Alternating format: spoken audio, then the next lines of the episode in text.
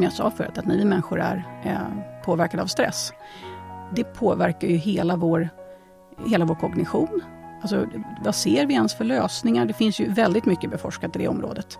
Mm. Eh, det finns bland annat en Eh, Barbara Fredrickson som är en välciterad eh, psykolog på området som har den här broaden and build-teorin. De pratar om just vikten av positiva emotions, alltså emotioner, positiva mm. känslotillstånd. Därför att när vi har positiva känslotillstånd så breddar det vår kognition.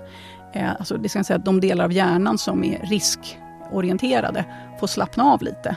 Och det gör att vi också blir mer inkluderande när det gäller social kategorisering, det vill säga vi är mindre uppmärksamma på du är en sån och jag är en sån här. Vi ser att vi är ganska lika. Mm. Alltså, mycket av de här förmågorna som vi behöver när det gäller att samarbeta, se nya lösningar, de möjliggörs av positiva känslomässiga tillstånd. Mm. Och att vara stressad, det är väldigt sällan vi känner nyfikenhet, tacksamhet, glädje, eh, till och med kärlek eh, när vi är stressade. För det är, det är inte prioriterat. När, mm. när vi är stressade ska vi lösa ett problem här och nu. Hej och välkommen till Sodderpodden om framtidens organisationer och ledarskap. Jag som leder podden heter Love Lönnroth och jag är konsult på Sonder. I dagens podd är Gabriella Grusell min gäst för att prata om hur vi påverkas av förändringar, både som individer, som grupper och som organisationer. Gabriella är organisationspsykolog som började intressera sig för mänskliga beteenden när hon jobbade som konsult med risker och krisberedskap till den grad att hon vidareutbildade sig till psykolog. Idag är Gabriella framgångsrik coach och psykolog Eh, och jobbar med både ledningsteam och individer och har gedigen erfarenhet av hur förändringar påverkar oss på många olika sätt. Hon har dessutom örnkoll på vad forskningen säger om hur vi reagerar inför förändring. Innan podden vill jag passa på att tipsa om nästa Sonderwebbinarium den 27 januari som passande nog handlar om förändringsledning. Läs mer och anmäl dig på sonder.se. Nu till podden med Gabriella Grusell. Mycket nöje! Hej Gabriella! Hej Love! Välkommen till Sonderpodden! Tack så mycket, tack för att jag får vara här. Hörru, jag har bjudit in dig hit med tanke på att du är ju organisationspsykolog ja. och eh, expert på relationer och förändringar och eh, sånt. Och just idag när vi gör den här podden så är det ju regeringsförklaring, tror jag det heter. Just det. Eh, där den nya statsministern kommer presenteras. Eh, och I samband med det här så är det ju stora förändringar för många. Mm. Till exempel, eh, vi på Sonder jobbar ju mycket med statliga myndigheter. Där är det nog en del som med spänning tittar på vad som ska hända nu. Vi jobbar mycket med energibranschen. Där är det också många som funderar på vad kommer den nya politiken innebära. Så kort sagt, mycket förändringar. Mm. Så jag tänkte att eh, vi ska prata om det och hur vi påverkas av förändringar. Både som individer och som grupper och som organisationer. Jag tänker att jag förväntar mig att du täcker hela spektrat här. Ja, absolut. Känn ingen press. Utveckling. Eh, ja. Men jag tänkte börja bara med om du kort säger någonting om dig själv. Vem, vem är Gabriella Grusell? Ja, eh, ja, som du sa, jag är yrkespsykolog. Du sa organisationspsykolog, det finns ju inte någon sån liksom, specialisttitel, men för att man ska förstå att det är framförallt organisationer jag jobbar med. Eh, och vad ska jag säga om mig själv? Jag jobbar i min egen verksamhet sedan ungefär tio år. Jag har gjort några små instick och provat att vara anställd igen och jag verkar funka bäst som konsult, så jag är i den rollen. Eh, och lite om min bakgrund så kan man säga att jag eh, ett livslångt intresse för mänsklig utveckling. Eh, kanske lite, jag fick det nästan lite för tidigt i mitt liv, men ja, jag kom in i den typen av kretsar. Och sen så eh, började jag tidigt, när jag var ska säga, 22, nej, förlåt, eh, 25, eh, så började jag jobba i en konsultverksamhet som eh, höll på med operativa risker på ett bananskal. Det var en bekant där som frågade, kan inte du komma och jobba med mig? Och då gjorde jag det. Och där, inom operativa risker och som sen också handlade om krisberedskap, som blev ett, i och med 9-11, så blev det ett fokus i verksamheten. Så um, kom jag i kontakt med mycket om man skulle kalla för mänskliga faktorn. Mm. Alla de här situationerna när man har, en, man har på pappret en bra idé om hur ska det här gå till. Och sen så kommer människor in i bilden och de gör det på ett helt annat sätt. Och det där var jag tvungen att på något vis adressera i min roll som konsult, men märkte att jag hade liksom lite för dålig kunskap.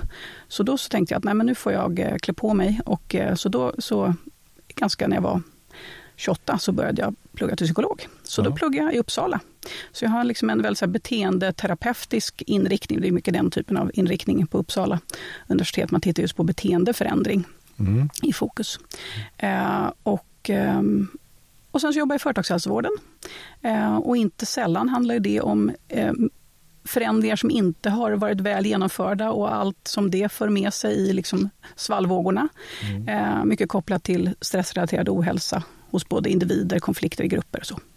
Och sen så sen 2013 är jag i min egen verksamhet. Och då är det mycket eh, olika typer av förändringar. Skulle, alltså jag, eftersom jag är egen ensam konsult om man säger, så mm även om jag jobbar ibland i nätverk med andra konsulter så jobbar jag inte i de här stora koncernövergripande typiskt den typen av eh, förändringar. Men nästan alltid när jag kommer in så är det någon typ av förändring som ska till. Från ett riktigt dåligt läge, kan vara en krissituation, en, en konflikt eh, som omfattar bara ett par personer eller liksom många. Eller en mer planerad förändring. Eh, och jag skulle säga att ledarskap överhuvudtaget, det är mycket utveckling av ledarskap, både ledarutveckling och ledarskapsutveckling med kollektivt, det är ju att åstadkomma en förändring. Mm. Så förändring är ju liksom hela tiden den här komponenten som, som kommer igen. Det är liksom temat. Det är temat, precis. Mm, ja. Eh, men vad bra. Ja. Eh, och jag, du har ju också varit med tidigare i Sonderpodden ska jag nämna. Vi, ja, vi gjorde ju ett poddavsnitt av ett webbinarium som vi hade. Där vi hade en liten panel om förändringsledning också för de som tycker att de har hört det i det här sammanhanget förut. Ja. Ehm, men jag tänker nu, nu är det kanske en del som sitter och dammar av sin sån här Kübler-Ross-kurva som många använder sig av. Som ju visar de här stadien, stadierna man går igenom i förändring från mm. den här initiala chocken, typ när man ser eh, ett, ett avtal eller en, en, regeringsdeklaration som säger eh, typ att den här verksamheten ska läggas ner, ja. Eh, till, till ilska. Mm. Och därifrån vill jag minnas att kurvan liksom går ner till depression ja. innan det börjar vända och man liksom går upp till att börja se möjligheter igen och liksom komma ut ur tunneln och ja. ha liksom på något sätt, eh, vad säger man, att man har integrerat den här förändringen med sitt varande. Vad, vad, vad är din syn på den modellen? Jag tänker eftersom den är så vanligt förekommande, det är många som refererar till den. Vad, ja. Hur ser du på det? Är det så vi funkar? Alltså jag tänker så här, modeller har ju sin plats i att det försöker förenkla och beskriva någonting som är lite mer komplext. Eh, och sen så det som jag liksom funderar kring den där modellen, det är att den, är ju, den har ju någon slags lite bakomliggande antaganden. Det ena skulle vara att det är en stor förändring som pågår i människors liv i taget och att det, liksom, det är det som är i fokus. Så ser det typiskt inte ut. Människor, kanske ännu mer i en föränderlig tid, de är i olika faser av olika förändringar parallellt. Eh, det tänker jag är en sak som kanske inte gör den så relevant. Det andra är väl att den, det är ju egentligen en beskrivning av en krisreaktionskurva.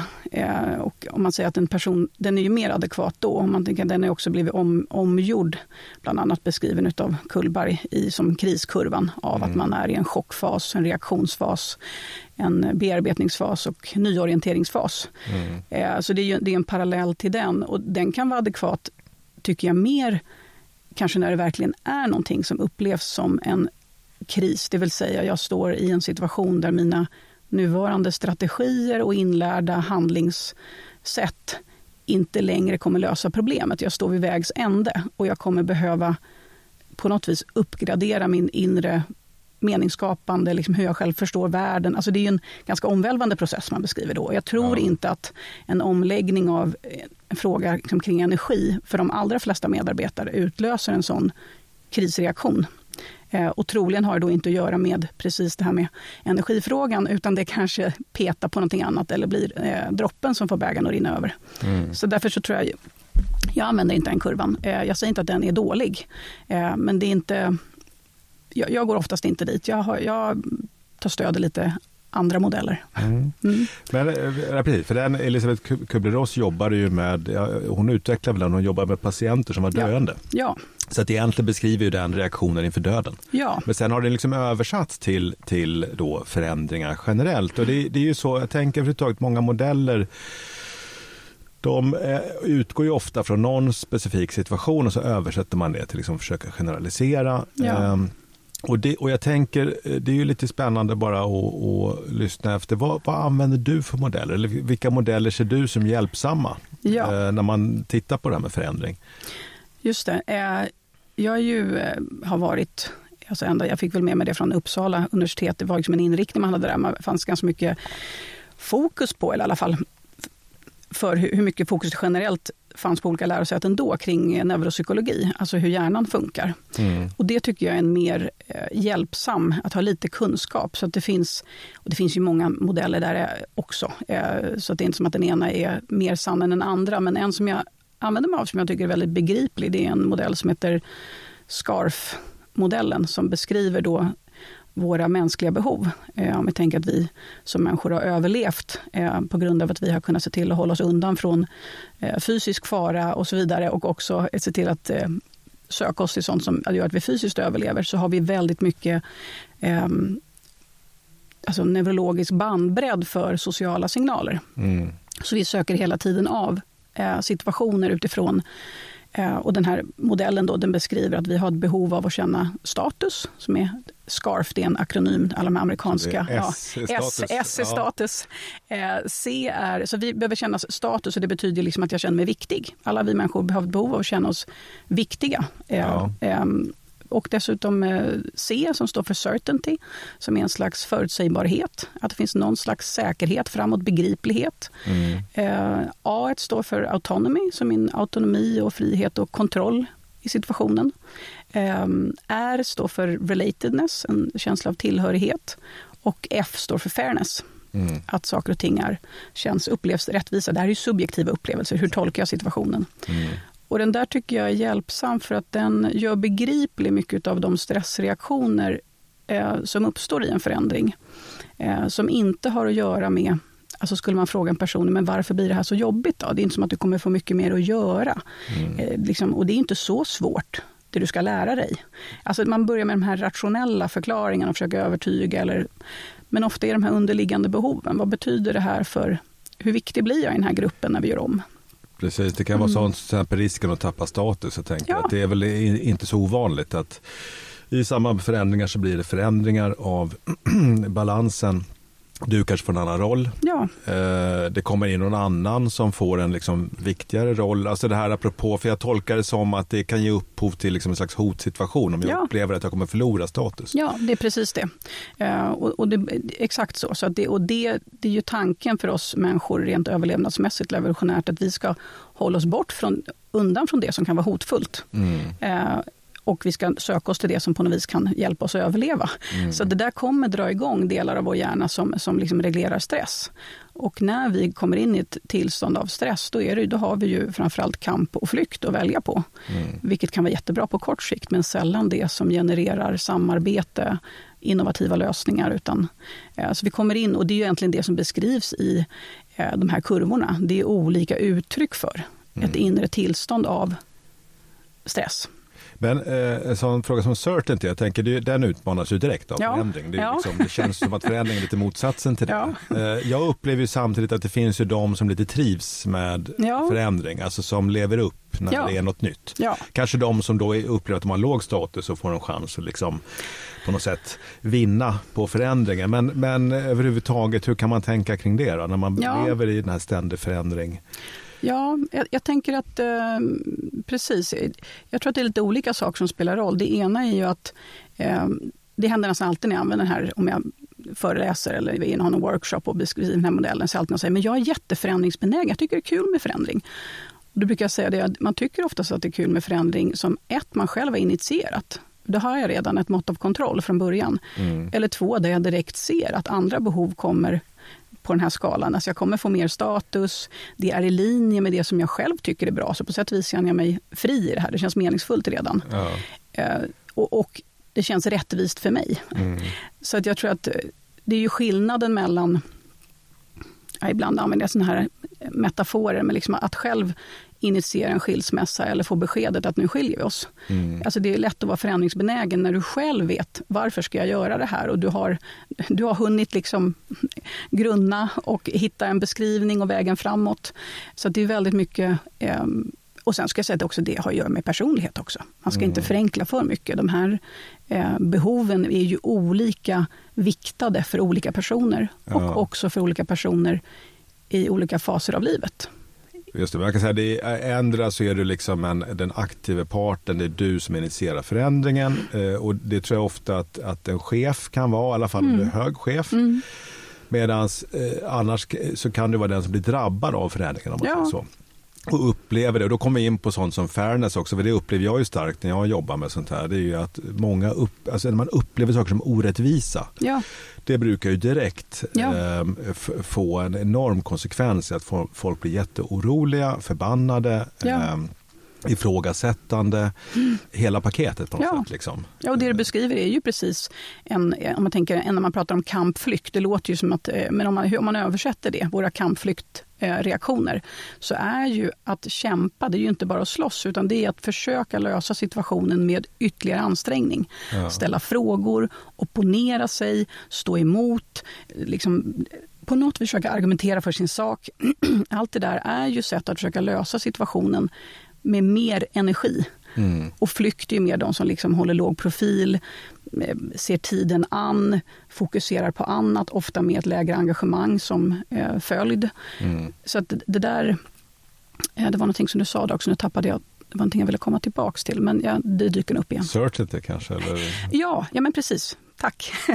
eh, och jag tror att det där är, om man tar Ibland har jag också, vet man, man hittar såna klatschiga eh, titlar på saker man pratar om för det ska på något vis haka i.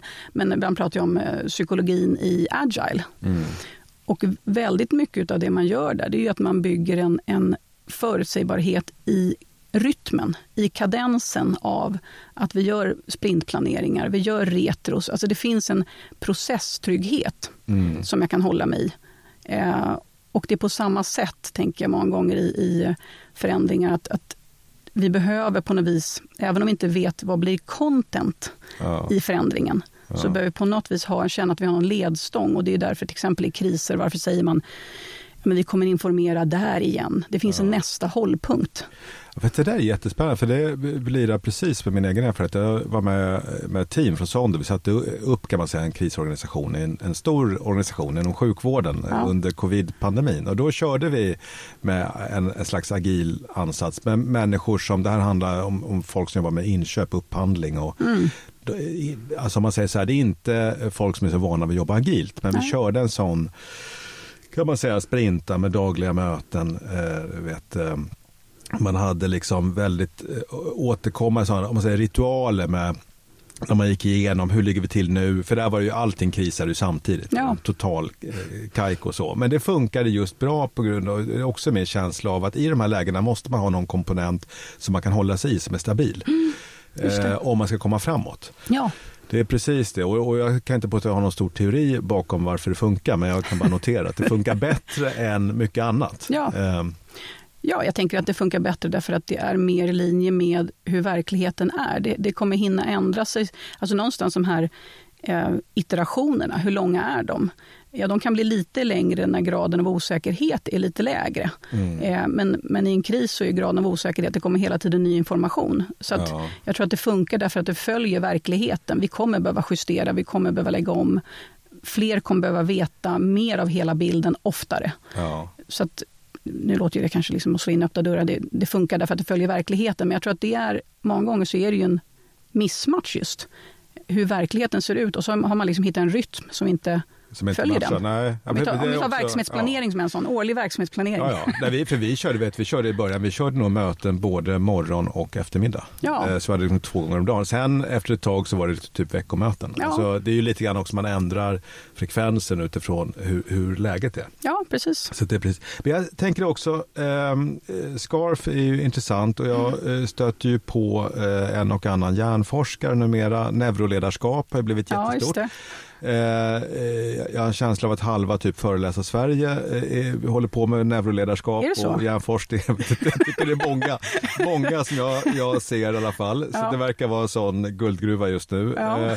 det ges också jättemånga kurser för chefer i det här med förändringar. Jag tror också man plockar upp det här med hur hjärnan funkar och mm. flight or fright, hela det här mm. paketet.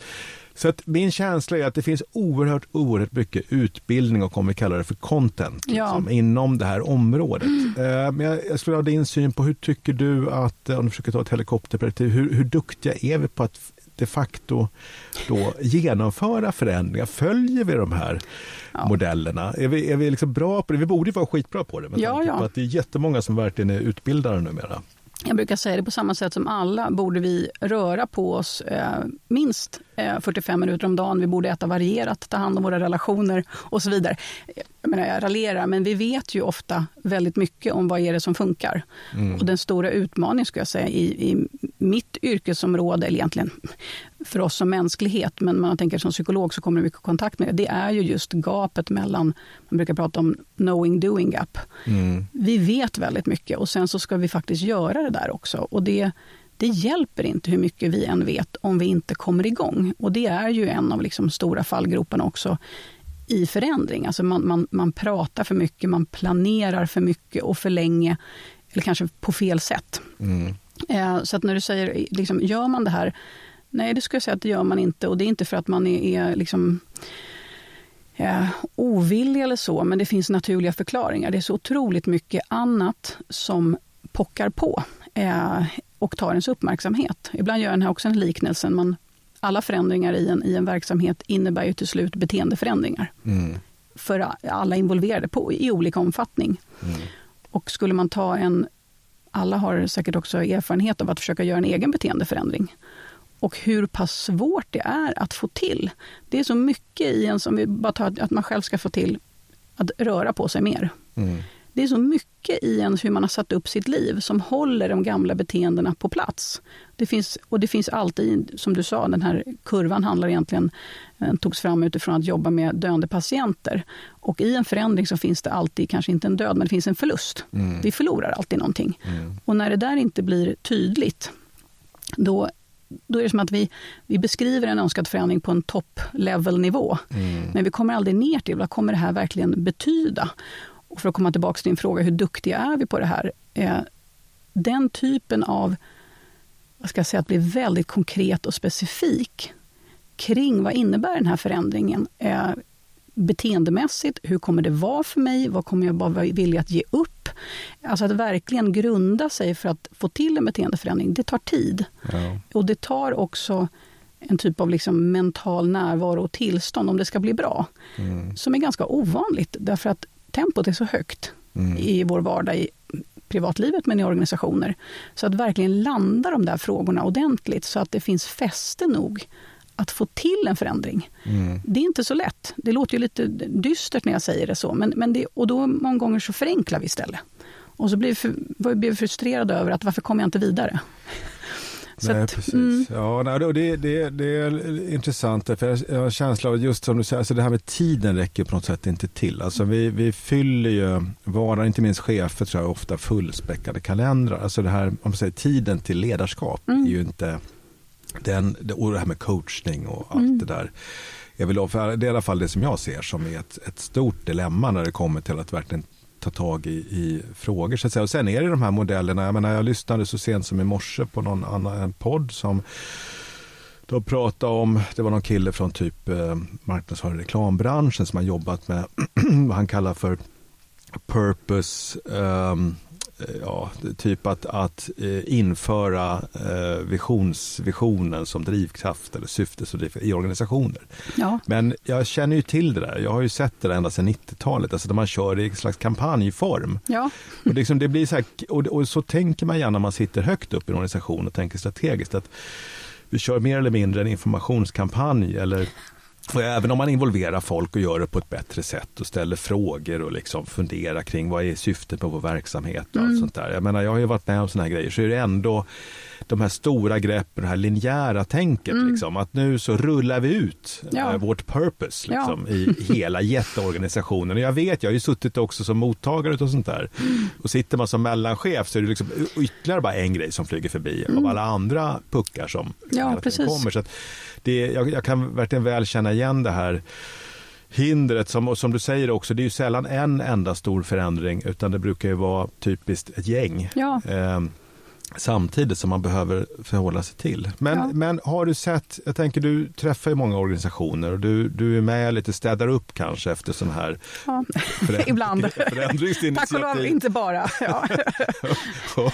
Eh, har du sett liksom, eh, riktigt lyckade exempel på sådana organisationer som är riktigt bra på det här med att eh, ta hänsyn till hur folk funkar, ge det den tiden som krävs, på något sätt få det där, den här apparaten, förändringsapparaten att, att rulla på? Um, alltså om jag skulle säga att jag har sett hela organisationer som är riktigt duktiga på det, alltså då skulle jag, jag, skulle, jag säger inte att de inte finns, men det är också så att det är ju inte representativt. De organisationer jag träffar, det är inte de som tar in kanske en organisationspsykolog eftersom det ofta är då man står med en utmaning. Så jag, jag menar, de finns säkert, men jag kan se komponenter när det börjar liksom, komponenter som är verksamma. Och sen så är det också en fråga om att orka hålla i det över tid. Mm. Det är precis som många av oss, vi kan ju få till liksom i perioder så är vi i ett bra flow. Där vi, om man, att, att få till det som vi när vi får till det här doinget som vi vet att vi, som vi know att vi mm, behöver göra. Mm, mm. och, och då funkar det. Eh, men sen är det ju så att hålla i det över tid. Men jag, skulle säga det, det kommer väl tillbaka. Jag tror att sånt som jag tror många som du träffar skulle beskriva vad är det som när det faktiskt funkar. Ja, det är ju att eh, ta tid till involvering, inte, inte, inte kommunikation utan faktiskt samskapande. Och att inte tänka, okej nu har vi sjösatt det där, utan att det blir någonting som varje individ eh, också kommer tillbaks till i någon form. Eh, och det kan ju se ut på lite olika sätt, men till exempel att i eh, såna här buddygrupper eller lärtrios, att faktiskt hålla igång den initierade rörelsen på olika sätt. Att få, att få själv tillfälle att reflektera och komma tillbaks till, kanske inte den övergripande visionen, men meningsfullheten relaterat till mig själv. Mm. Eh, på vilket sätt är jag del i det här? Eh, hur blir det meningsfullt för mig? Hur har det gått för mig att gå i den där riktningen? Vad har varit utmanande? Alltså egentligen mycket av det som, precis som du säger, därför att om chefer ska vara runt och coacha alla hela tiden för att få personer att ställa sig frågor, som de egentligen själva har, bara de har svaret på. Det blir en omöjlig uppgift alltså för de allra flesta chefer. Mm. Det, det, blir för mycket. mycket. Sen, så säger jag, sen är det viktigt, men också till det här reflekterande förhållningssättet. Jag skulle säga att det är väl en komponent. Man bör hitta former för det. Att var och en kommer tillbaks till ja. eh, att reflektera och liksom, ja men okej, kommande månad då? Hur ska, jag, hur ska jag nu medverka i den här riktningen? Och det är inte det, är ingen lätt sak, men när man får till det. Ska jag säga att, eh... Och former för reflektion, jag tänker osökt på sånt som inom det agila så kör jag med retron ja. till exempel. Du, du nämnde, vad sa du, studietrios eller lärtrios? Eh, ja, alltså, eh, egentligen så handlar det om, eh, jag tänker att Um, som du säger, i agila kör man retros. Inom, och retros är ju en slags form av det som man annars kallar för after action reviews, alltså där man faktiskt tittar på vad var det vi skulle, vad hade vi för mål, eh, hur blev uppfyllnad av mål, vad var det vi gjorde bra och vad var det som kanske inte gick lika bra och där man är lika intresserad av processen, att försöka lära sig av processen som av utfallet. Mm. Eh, men, men det där är ju, det är ju lätt att få till det det finns ofta naturligt, har man då ett, ett, ett gemensamt mål som ett team.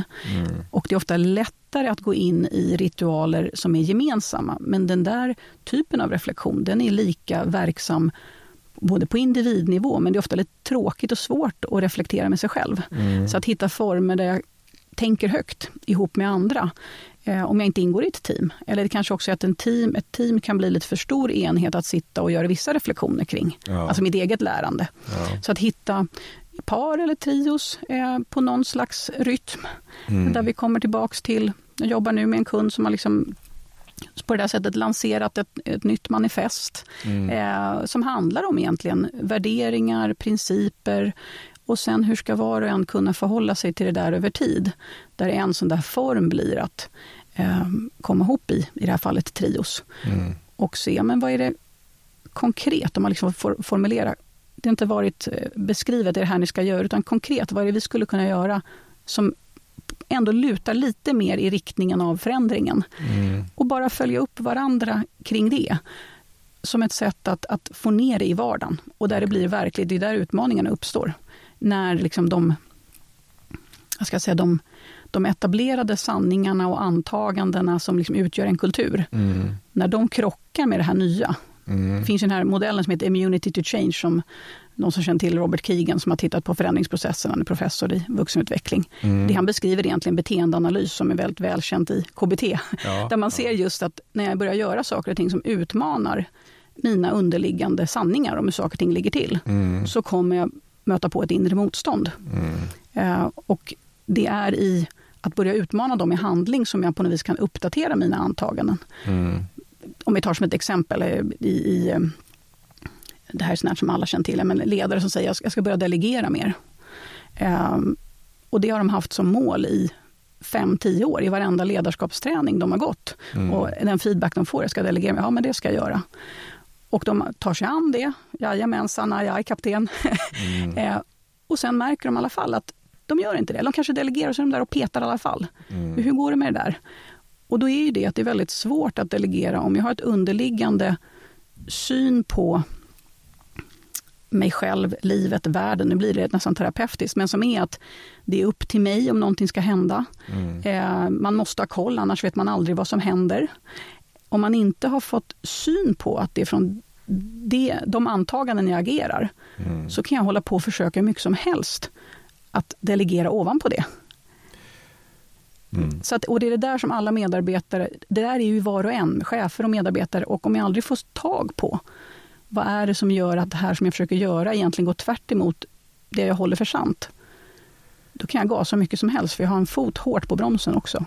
Ja, den är jätteintressant och, och väldigt vanlig skulle jag också säga utifrån min erfarenhet. För det finns en paradox med förändring. Det är ju att Ska man verkligen lyckas, min erfarenhet är ungefär så här, ska man verkligen lyckas med förändring, då behöver man få folk att känna att medarbetare så långt ute som möjligt och känna att de har makten att förändra. De, ja. de har initiativet. Ja. Men det betyder ju också att då kan inte jag sitta och kontrollera så mycket från centralt håll. Jag Nej. måste liksom släppa, jag måste hitta ett sätt just att få de här teamen att reflektera eh, och skapa mening tillsammans och utifrån det också känna att de har eh, möjligheten att liksom ta initiativ och mm. pröva saker och inte vara hindrade av att man hela tiden ska snegla uppåt och, och känna är det här okej okay eller inte. Och precis som du säger, min erfarenhet är också den att eh, många chefer har ju blivit chefer delvis tack vare att de har ett stort driv och ett stort kontrollbehov. Ja.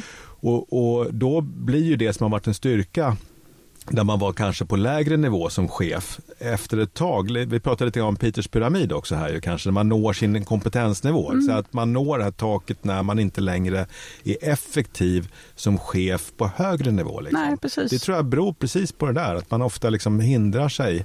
Man, man fattar inte det. Liksom. Mm. Men det som, jag, för jag är tvungen att försöka förstå eller kunna ändra det som är min största styrka. Ja, exakt så. Och det är jätte, jättejobbigt tror jag, mm. eh, apropå SCARF-modellen. Liksom. Ja, ja, exakt. För jag menar, allt det som har servat mig så väl och, och, har fyllt så många funktioner, dels professionellt, alltså det har, det har funkat så att säga. Och jag har mm. fått feedback om att det funkar. Mm. Dessutom håller det ihop min känsla av att vara en värdefull person. Mm. Och nu ska jag börja ge upp det. Och dessutom ska jag börja ge upp det inför öppen ridå, där mm. människor observerar mig. Alltså det, det, det, är ganska stora insatser och då behöver jag, på tal om det här med, när jag pratar om lärgrupper, det handlar också om att ha en plats, någon slags trygg plats där jag faktiskt kan reflektera om hur det är att vara i den här processen. Ja. Och då är ett team ofta en för stor enhet. I den bästa av världar kan ju en ledningsgrupp vara det. Jag skulle säga att ganska få ledningsgrupper, i alla fall som jag har mött på, har verkligen det klimatet där jag på riktigt kan prata om det känns det känns så utmanande ja. att släppa taget. För jag börjar undra, liksom, har jag ens ett existensberättigande nu? De andra verkar ha stenkoll på läget. Vad gör jag här överhuvudtaget? Alltså många gånger kommer det ner till det där. Ja. Um, så att, um, det var en lång eh, utläggning från, du ställde frågan kring hur bra är organisationer på att göra det man vet är bra att göra. Och eh, organisationer är ju människor Eh, så till slut kommer det till hur bra är människor på det och, det, är, det tar mycket kapacitet av oss att förändras. Eh, mm. Och därför behövs det ett, mer fokus på det än vad vi tror. Vi kan inte göra det med vänsterhanden. Mm. Hur, hur, eh, jag tänker, du säger att du jobbar sällan med de här stora övergripande förändringarna, liksom koncernövergripande. Du kommer ofta in och jobbar då med grupper eller med, ja. kanske med, chefs, med ledningsgrupper och ja, sådär? Eller vad. Precis. I stora organisationer så är det väl eh, typiskt då med en ledningsgrupp eller med någon, någon avdelning eller så. Eh, och annars skulle jag säga att sista tiden har det varit nej nu, nu, det stämmer inte för det blev blandat, men, eh, ja, men någon, någon liksom del av en större verksamhet, avdelning, ledningsgrupp. Och annars har det också eh, flera gånger blivit så att jag blir som någon slags eh, huspsykolog i lite mellanstora eller mindre bolag. Mm. Där jag finns med kring jag menar, de kanske har en, en HR-funktion men de har liksom ingen strategisk HR. De har ingen som tänker på det mänskliga systemet och då kan jag finnas med och liksom tänka kring hur kan man försöka designa utifrån något helhetstänk. Utifrån, och det börjar handla om eh, liksom, vad har man för strategi, kultur, hur ska då behöver det ledarskapet se ut? Eh, allt ifrån den typen av frågor till liksom, nu har det skurit sig. Nu har vi en jättekonflikt där. Kan du, du som känner oss lite, kan du hjälpa till? Så att, ja. Ut, utifrån eh, din, din eh, erfarenhet av de här olika uppdragen som du har, finns det uppdrag du skulle vilja ha? Vad är, vad är det för uppdrag du inte får, eller som du sällan får, men du, som du skulle vilja ha utifrån det du ser att man behöver jobba med när det gäller just förändring? Hmm. Alltså, mitt, mitt, mitt det jag verkligen skulle vilja göra, det är ju, jag skulle vara jättespännande att följa eh, en eller flera ledningsgrupper i en lite större verksamhet som liksom kraftsamlar ihop.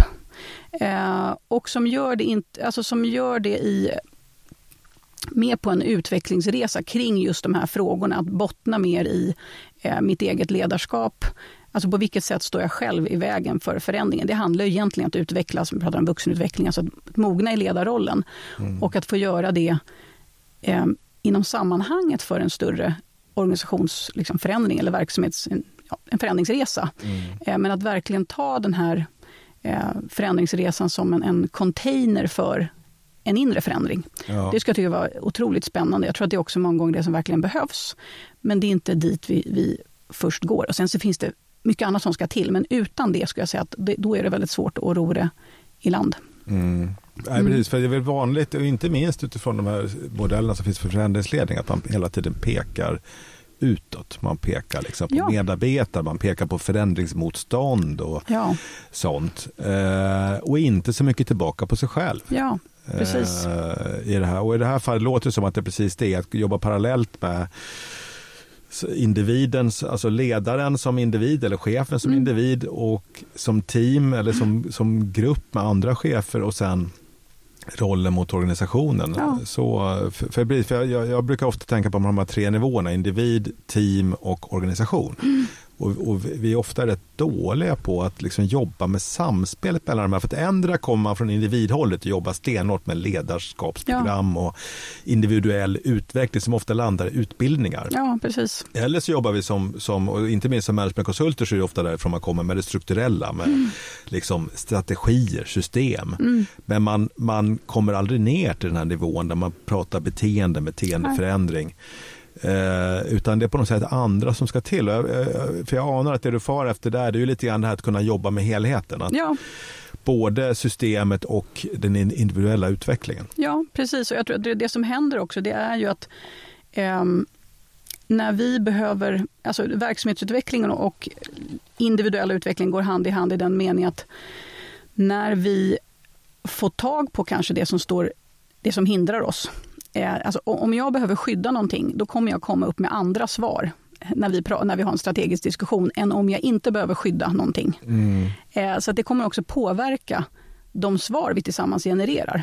Eh, kan jag föreslå någonting som faktiskt potentiellt skulle kunna hota, skulle vara det bästa för verksamheten, men som skulle kunna hota min position. Mm. Om jag är inte är trygg nog att kunna göra det och jag ska hela tiden vakta min position så, så kommer det också påverka content av det vi kommer fram till. Mm. En annan sak är ju rent, eh, som jag brukar prata med, sån här, som jag skulle säga en totalt underutnyttjad sak, det är ju att, som jag sa förut, att när vi människor är eh, påverkade av stress, det påverkar ju hela vår, hela vår kognition, Alltså, vad ser vi ens för lösningar? Det finns ju väldigt mycket beforskat i det området. Mm. Eh, det finns ju bland annat en eh, Barbara Fredrickson som är en välciterad eh, psykolog på området som har den här broaden and bild-teorin. De pratar om just vikten av positiva emotions, alltså emotioner, positiva mm. känslotillstånd.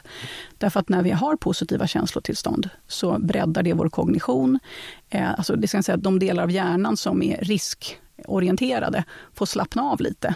Och det gör att vi också blir mer inkluderande när det gäller social kategorisering, det vill säga vi är mindre uppmärksamma på du är en sån och jag är en sån här. Vi ser att vi är ganska lika. Mm. Alltså mycket av de här förmågorna som vi behöver när det gäller att samarbeta, se nya lösningar, de möjliggörs av positiva känslomässiga tillstånd. Mm. Och att vara stressad, det är väldigt sällan vi känner nyfikenhet, tacksamhet, glädje, till och med kärlek eh, när vi är stressade, för det är, det är inte prioriterat. När, mm. när vi är stressade ska vi lösa ett problem här och nu. Mm. Så att det som jag skulle komma tillbaka till, det som är underutnyttjat, skulle jag säga, det är just att direkt jobba med alltså reglering av aktiviteten i vårt autonoma nervsystem, alltså det vill säga reglera ner stressnivån. Mm. Och då menar inte jag bara Många håll jobbar ju med eh, motverka stressrelaterad ohälsa och sådär. Men jag menar i, till, när man sätter sig ner och ska, faktiskt ska ha ett samtal där det spelar roll vad är det för kvalitet vi får, vad är det för svar vi får, hur bra är liksom den kognitiva funktionen. Mm. Att då se till att faktiskt komma ner i varv. Det gör ju en ledningsgrupp jag jobbar med, gör det och det förekommer. Men det, att lugna ner sig, man kan kalla det mental träning, man kan kalla det grundning. Eh, är man riktigt vågad så kallar man det för mindfulness eller meditation. Mm. eh, därför att det kommer att påverka alla andra funktioner. Mm. När, vi är, när vi har stresspåslag, då kommer vi tänka sämre, samarbeta sämre, bli mer agiterade, gå mer in i reaktion. Eh, så det skulle jag säga också är en sån här extremt underutnyttjad eh, variabel. Mm. Att faktiskt vara närvarande här och nu. Men är det något, för tänker vi jobbar på Sonder rätt mycket med incheckningar mm. och, och incheckningar är ju ett sätt att i möten få in någonting nytt. Alltså, mm. och, och, även med en annan grej och det är lite att bygga agendan tillsammans. Det vill säga att det inte är något som är förberett utan Nej. det är lite grann också i syfte att vara mer här och nu. Att ja. man i stunden liksom gör det. Så att jag tänker att det är ju liksom en eh, nyckel till det där. Men i, i övrigt, hur, hur jobbar du med det? Är det mindfulness rakt av? Alltså sådana mindfulnessövningar finns det ju. Mm. Eller liksom, vad, har du några sådana typiska ja. grejer du gör? Nej, men alltså jag tänker incheckning har absolut sin plats. Eh, det, det incheckning gör, det, incheckning har blivit ett ord som det kan rymma ganska mycket. Mm. Eh, men hur ska jag säga? I den bästa av världar tänker jag att incheckning handlar om att försöka fånga vad är jag i just nu? Alltså mm. få tag på mig själv, ställa mig lite utanför mig själv så att jag inte är i strömmen av alla mina tankar utan liksom, och i det kunna benämna. Här är jag just nu. Jag är, liksom, jag är väldigt upptagen av det här. Jag känner mig pressad kring de här frågorna. Inga långa stories, utan bara få tag på vad är mitt tillstånd. Mm. Och sen kunna rikta om fokus till och det är så det är för mig just nu. Och nu är vi här och vi ska ha det här mötet. Vad är viktigt just nu? Så det är som att få tag på vad jag är och sen med intention rikta mitt fokus mot det så att jag inte på autopilot tar med mig det där motstånd, eller in, tillståndet så mycket in i mötet. Nej. Och jag skulle säga att den där incheckningen av den sorten blir ofta bättre om jag innan dess har fått landa några minuter. Och då, också när du säger i mindfulnessövningar, det betyder ju också så mycket. Men det kan betyda bara att sitta ner blunda, andas några minuter, ha på, på någon lugn musik. Och det här för första för många ledningsgrupper är det här väldigt konstigt första gångerna. Man mm. känner, men gud, ska jag göra det här med mina kollegor? Det här gör jag på yogaklassen. Mm. Då kan jag säga så här, men vänd dig ut så du sitter med ryggen mot mötesbordet så du får åtminstone lite eget space. Mm. Det kan vara sådana saker som underlättar. Mm. Eh, och att först bara komma ner i varv, kanske fem minuter. Och bara testa det, precis som allt annat i verksamheter. Liksom, det är ingenting vi slår klubbar för ett år framåt. Testa det fem möten och se vad det ger. Min erfarenhet är att det ger väldigt mycket. Om man pratar om liksom bang for buck, så skulle jag säga att där har man väldigt mycket att hämta. Mm. Um, och inte bara testa en gång, för de flesta kommer tycka att det känns konstigt första gången, så att det nästan genererar stress första gången, för det är så ovant. Ja, ja. Precis som man sticker ut och springer första gången. Det är ju sällan en, en euforisk upplevelse om man inte har joggat på ett tag. Nej. Men ge det några gånger och märk vad som händer med närvaron och kapaciteten. Mm. Och sen gör en incheckning. Mm. Där finns mycket att hämta. Ja, nej men spännande. Jag tänker också, eh, apropå neuroledarskap och gärna funkar sånt, det här Daniel Kahneman och mm, system 1 och system 2. Och det här mm. tänker jag att här kan man nå fram till den här system 2, alltså där system 1 är det här eh, automatiska reaktioner, magkänsla, Precis. den här typen av, av beslutsfattande man ägnar sig åt när man är väldigt stressad. Ja. Och medan med system 2 tar lite mera eftertanke. Eh, bra, vi skulle kunna prata länge. Ja. Eh, vi behöver börja runda av podden. Jag skulle bara avslutningsvis, nu har du ju kommit med jättebra tips, mer mindfulness mm. i samband med ledningsgruppsmöten och annat. Eh, har du fler tips till, och det tänker jag kanske är särskilt riktat till de som sitter en bit upp i organisationer, som sitter som eh, höga chefer eh, och som ska just fundera över liksom stora förändringar. Eller, alltså där man verkligen har sådana, nu ska vi genomföra en stor grej här. Har, mm. har du mm. några tips som du kan se utifrån att du jobbar så mycket med beteenden och liksom möter alla de här sakerna som uppstår i svallvågorna i mm. samband med förändring mm. till, till sådana personer ja. som du kan dela med dig av? Eh, nu blir det som att jag direkt säger att men, det finns inga enkla tips och riktigt gör inte det. Men det, det som du beskriver det är ju att det spelar väldigt stor roll. Har jag en sån, har jag en planerad i en större förändring i en mer förändlig organisation så kommer det vara en sak. Eh, men ska vi nu ta oss an en stor förändring och vi har inte jobbat så mycket med att, att vara kapabla att ta, hantera och ta oss igenom en förändring så är det ju någonting annat. Men om man skulle säga mer generellt så, så är det ju, det kommer tillbaks till, eh, var väldigt klar på varför gör vi den här förändringen? Eh, och, och då kan man tänka att är man, är man högt uppsatt chef så är det självklart, det har man redan sorterat ut. Men en del förändringar drivs ju av oro. Mm. Vi måste få till någonting, det här går inte längre. Eh, och den blir mer orosstyrd, reaktiv, än den blir visionär egentligen. Mm. Att den på riktigt handlar om att vi vill röra oss till en, ett annat nuläge. Mm. Eh, så att få tag på, och det kan vara så att man ändå behöver göra förändring, men att verkligen komma tillbaks till hur blir den meningsfull utifrån mål och inte utifrån att man vill undvika där man är. Ja. Och, och, grunda det igen och igen och se till att man verkligen är överens om det. Um, så det skulle vara en sak. En annan skulle vara att, precis som jag sa förut, nu kommer jag tillbaka till det, men att titta på mig själv och de som jag leder tillsammans med. Mm. Alltså hur är vi grundade på riktigt i den här förändringen? Hur kommer det utmana oss? Därför det kommer återspegla hur vi väljer att kommunicera eh, förändringen, hur vi väljer att involvera. Så att låta det liksom få fäste i oss.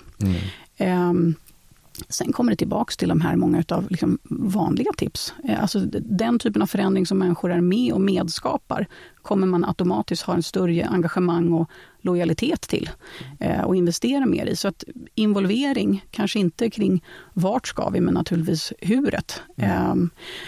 Eh, kan också säga, tänka att lägga ut ehm, eh, ska jag säga, du kan inte hålla på att styra eh, vad var och en ska göra, men att, verkligen ge uppgifter till team eller avdelningar, men så som man kanske gör, men att, att de får sätta väldigt tydligt vad innebär det här på beteendenivå för oss. Mm. Att börja kart, att ge utrymme att börja bli klar på vad konkret innebär. Vad är det som vi då faktiskt ska sluta göra? För saker och, och vad, hur kommer det vara? Mm. Vad är det vi ska börja göra? Och det, här, det låter så enkelt, det vet alltid sluta, börja, gör mer av, gör mindre av. Mm. Men att det är lätt att det blir bara liksom en, en sån här workshopövning. Och sen så har vi konstaterat att det var det där och sen går vi tillbaka och så bara tuta och kör. Och så, det har aldrig landat. Och, att, och den sista då skulle väl vara att det finns så mycket man kan säga, men jag, jag pekar på det som jag tycker ofta saknas. Det är ju eh, den här tillfället att komma tillbaks. Alltså att skapa plats i människors vardag att komma tillbaks till den här förändringen. Hur går det för mig just nu? Hur går det för oss just nu? Vad gör vi? Det här som man alltid pratar om, att, att eh, fira tidiga segrar och så vidare.